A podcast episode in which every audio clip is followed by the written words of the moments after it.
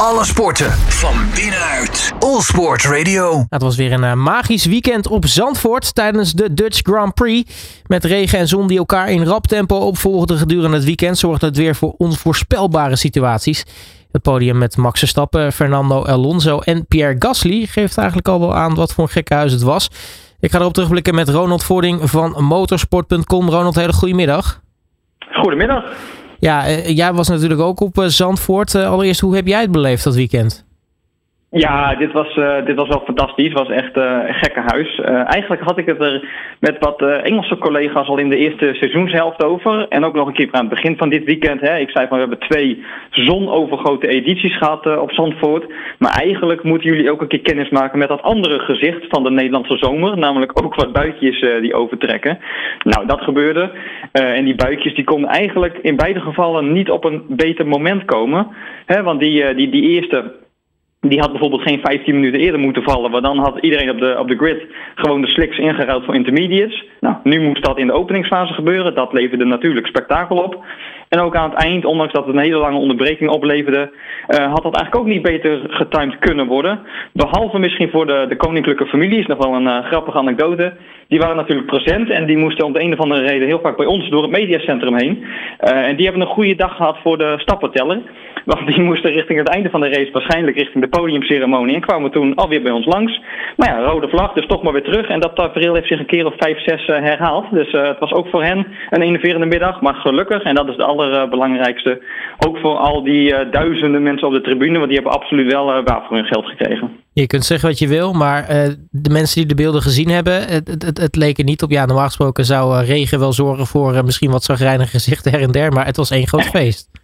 Ja, het was één groot feest, ja. ik zei, toen die tentjes uh, werden opgezet in de pitlane, zei ik ook van ja, het is een soort tentjesfestival nu in een waterballet, maar niemand op de hoofdtribune leek erom te malen, de DJ evenmin. Uh, dus nee, de, de, sfeer zat er echt het hele weekend goed in. Ja, dat maakt Zandvoort, ook als je al, dat is al echt vanaf 2021 zo, als je kijkt hoeveel mensen er vanaf woensdag en donderdag al voor de poort staan, zonder kaartje, maar om gewoon een glimp van de actie op te kunnen vangen. Ja, dat zie je bijna nergens ter wereld en dat maakt Zandvoort qua sfeer en beleving wel een vrij unieke race op de kalender. Nee, je zegt al, je hebt ook wat dingen besproken met, met collega's uit andere landen. Hoe hebben die dit weekend beleefd? Want dit was wel Nederland weer in optima forma eigenlijk. Ja, absoluut. Ja, ja. Van tevoren kunnen we ook altijd de grid op natuurlijk. Nou, dat, dat, dat vonden zij ook, hè, hoe dat helemaal neergezet was. Met, met vlaggenactie en sfeeracties waren ze ook wel van, uh, van onder de indruk. Nou ja, Christian Horner vat het in 2021 al, al goed samen. Hij zegt iedere keer als wij naar Zandvoort komen, dan ben je eigenlijk vier dagen aan het werken in een soort discotheek of, of nachtclub. En dat is niet veranderd. Nou ja, goed, als je dan ook nog het sportieve plaatje, want daar gaat het natuurlijk vaak over, hè, van Zandvoort uh, fantastisch over één ronde, fast flowing, hoogteverschillen. Het heeft alles voor de coureurs. Maar die zondag, hè, hoe zit het dan met de amusementswaarden? Nou, als je dan ook nog een beetje hemelwater erbij krijgt, zit ook dat wel goed. Dus over het totaalplaatje konden zowel die collega's, maar ook zeker de organisatie uh, van de Formule 1, maar ook van Zandvoort, Robert van Overdijk en dergelijke, konden zich niet, uh, niet meer wensen dan dit. Laten we eens even kijken naar dat uh, sportieve plaatje. Uh, nou ja, dat dit een bijzonder weekend zou worden, uh, liet zich eigenlijk op de zaterdag al wel zien. nou ja, bijvoorbeeld twee Williamsen in de, de top 10 qualifying. nou ja, grote namen die er al eerder uitlagen. Dat, dat, dat, ja, het zat al een beetje in de lucht dat het een bijzonder weekend zou gaan worden. Ja, ja, klopt, absoluut. Ja, Williams echt, uh, nou ja, Albon natuurlijk waanzinnig goed. Maar Williams ook heel verrassend omdat uh, Zandvoort een, een high downforce circuit is. En ik niet meteen had verwacht dat die auto daar goed zou zijn. Want die zou je toch meer met potlood opschrijven voor een uh, circuit als Monza. Maar eigenlijk is dat high downforce karakter ook wel weer een beetje een geluk bij een ongeluk gebleken voor, voor alle teams. Uh, met die regen, want high downforce, hè, je rijdt met veel neerwaartse druk, je rijdt dus met veel vleugel. Uh, en dat is ook precies wat je nodig hebt in de regen. Maar omdat je dat in Zandvoort ook in het droge al hebt, ligt dat vrij dicht bij elkaar. Terwijl als het bijvoorbeeld op een Monza of Spa heel erg gaat regenen, uh, dan moet je eigenlijk gokken wat je gaat doen met setup. Dus eigenlijk is in dat opzicht dat ook weer een geluk bij een ongeluk. En zitten teams ook weer niet zo met de handen in hun haar als het gaat regenen in Zandvoort. Nou ja, die regen is, is godzijdank gekomen. Dat maakte de zondag nog ietsje leuker dan dat die zaterdag ook al was. Ja, want uh, laten we beginnen met, uh, met de race. Nou ja, vooraf was het natuurlijk al echt een uh, fantastische show. ik bedoel, ja. voor de mensen die bijvoorbeeld naar Viaplay hebben gezien, die waren er eigenlijk de, hele, de hele dag bij. Vanaf het, vanaf het begin tot ongeveer het licht werd uitgedaan. Um, Maar ja, het, het, was natuurlijk al fantastisch vooraf de race. Toen iedereen zegt al, hè, de regen gaat zo meteen vallen. Ja, toch, de regen was er nog niet op het moment dat er daadwerkelijk gestart werd. Dus er werd gewoon gestart op de droge banden. Maar ja, we waren nog net niet een, een ronde of, of twee verder of het begon te regenen. Ja, absoluut. Ja, en, en, dat, heeft het, dat heeft het vooral leuk gemaakt. En ook leuk gemaakt voor Max Verstappen. Dat is wel, wel grappig. Want Max zijn afloop in de, in de persconferentie, toen wij met hem zaten en eigenlijk door de hele race heen liepen. Toen zei hij ook, ja, in, in ronde 1 hebben wij, Max en het team, eigenlijk een, een verkeerde keuze gemaakt. Door in tegenstelling tot, tot Sergio Perez niet meteen naar binnen te gaan voor intermediates. Maar zijn Max, die verkeerde keuze heeft eigenlijk de race een, een stuk leuker gemaakt. En dat klopt natuurlijk ook, omdat Max een ronde later naar binnen ging. Toen een gat van 12 à 13 seconden dicht moet rijden. Uh, en wat hij toen gedaan heeft, ik denk dat dat misschien wel ja, de meest indrukwekkende rondjes tot nu toe zijn van het hele Formule 1 seizoen. Omdat je het ook op de, op de, op de, op de, tijden, de, de, op de tijdenschermen perfect zag. Dat hij gewoon 4 seconden per ronde sneller reed dan teamgenoot Sergio Perez op die intermediates. Nou, Perez zei na afloop hè, van ja, dat komt omdat ik die intermediates in leven moest houden. Uh, maar zijn Max Verstappen, ja, dat probeerde ik ook. Hè, want ik probeerde ze ook in leven te houden. En niet al te hard te pushen. Dus dat zijn echt de rondjes waarin je ziet wat Max Verstappen kan als hij echt voluit gaat. En als hij echt voluit gaat in lastige omstandigheden. Waar hij samen met Jos natuurlijk perfect op voorbereid is van, uh, van jongs af aan. Dus ja, dat, dat vond ik zelf het meest indrukwekkende gedeelte van race. Dan komt hij terug aan de leiding. Zij Verstappen zelf ook. Hè. Ik denk dat ik die race dan nou, vrij makkelijk naar huis kan rijden. En dan komt er nog wat hemelwater. En vooral die laatste bui uh, en die laatste herstad met Fernando Alonso erachter. Uh, die maakte Red Bull uh, topadviseur Helmut Marco wel een beetje nerveus. Maar die sprak ik na afloop in de paddock. En hij zei, ja, dat was voor mij het moment waarop de hartslag enorm omhoog ging. Want zei die, wij als Red Bull, wij gaan heel goed met de banden om. Maar de keerzijde daarvan is dat wij er iets minder snel temperatuur in krijgen. Uh, en dus was het eerste rondje na de herstart best wel tricky, omdat Alonso de banden beter op temperatuur had. Uh, maar ja, dat is de bottom line van alles. Max is in alle condities bijzonder kalm gebleven. En dat is heel knap als je ziet hoeveel druk natuurlijk op hem wordt gelegd. Hè? Want al die mensen verwachten dat Max Verstappen wel eventjes weer wint. Nou, zo makkelijk is het niet.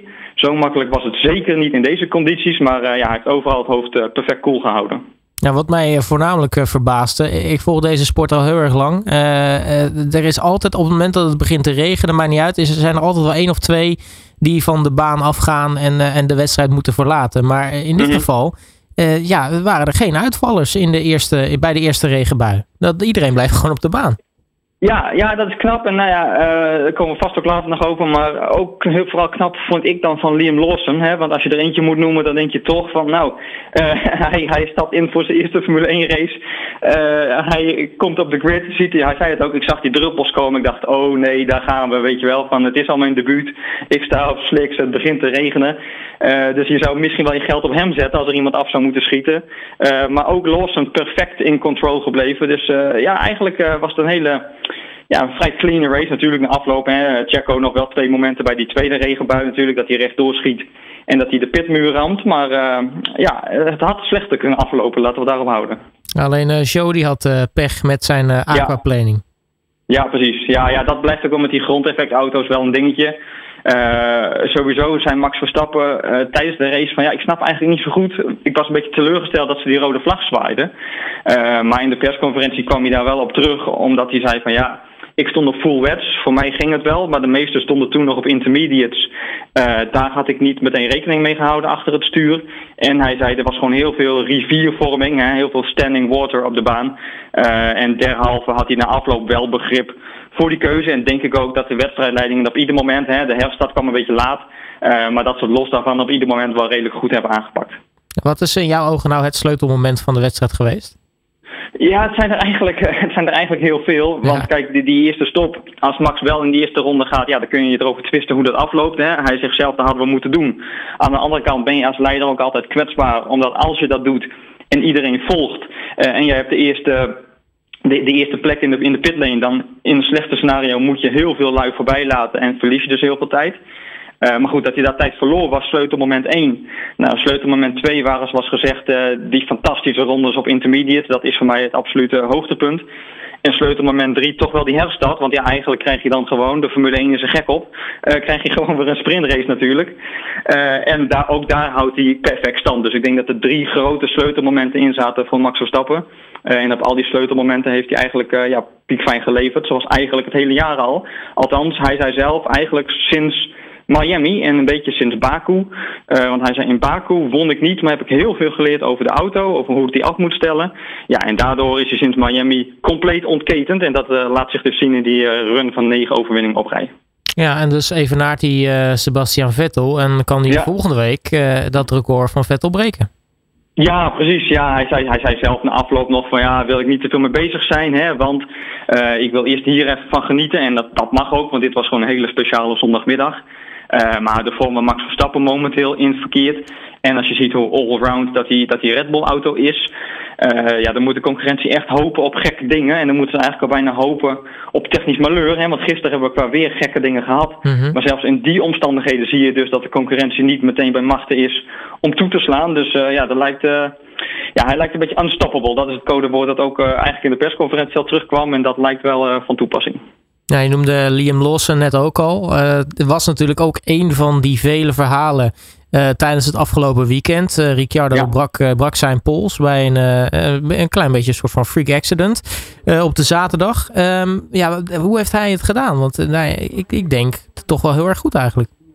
Ja, bijzonder goed. Hij vertelde dat op zich wel, wel, wel aardig. Uh, hij zei van ja, ik, uh, ik, moest in die auto. Uh, vrijdagavond ging ik naar de rijdersbriefing. Ik kreeg toen een. ik werd er uit voorzorg eigenlijk heen gestuurd. Maar halverwege die briefing kreeg ik een, een, een appje. Uh, waarin ik bericht kreeg van ja, je moet gaan rijden. Nou, hij vertelde dat heel leuk. De eerste helft van die rijdersbriefing zat ik een beetje onderuit gezakt. Nadat ik dat appje gekregen had, heb ik bijzonder aandachtig geluisterd. Omdat ik denk, ik moet alle informatie opslokken, want ik moet hier gaan leveren. Uh, nou ja, dan wordt hij letterlijk en figuurlijk in het diepe gegooid hè, met het water dat erbij komt. Maar los, dat moet ik zeggen, dat zie je eigenlijk al als een hele carrière. Hij kan zich bijzonder goed aanpassen. Hij is door Red Bull naar de DTM gestuurd. Compleet andere auto's. Uh, werd daar bijna op een schandalige finale na. Maar was daar anders gewoon kampioen geworden. Uh, Super Formula, Japan rijdt hij dit jaar. Compleet ander land, compleet andere cultuur. Doet daar ook mee voor het kampioenschap. Uh, en juist die eigenschap, dat hij zich heel snel kan aanpassen aan andere auto's en aan andere condities. maken zijn invalbeurt denk ik ook tot een succes. Want hij heeft gewoon zondag geen rare dingen gedaan aan het eind zelfs nog voor Yuki Tsunoda geëindigd. Dus uh, ja, hij mag tevreden zijn. Ik besprak het ook met, uh, met Helmut Marco. Nou, die zei ook, ik ben zeer uh, tevreden met wat Liam Lawson heeft laten zien. En als de immer kritische Marco tevreden is, nou, dan mag je dat zelf ook wel zijn. Ja, dat, dat mag je dan zeker zijn. Nou ja, zo zijn er nog veel meer verhalen. Bijvoorbeeld een Gasly op het podium, Alonso ja. na nou ja, lang een beetje het, het wat minder of wat tegenvallen van Aston Martin. Weer een topresultaat. Maar ja, als we dat allemaal moeten bespreken, dan zijn we zo meteen een uur verder. Uh, Ronald Vording van motorsport.com mag ik je hartelijk danken voor je tijd. En uh, spreek je natuurlijk snel weer.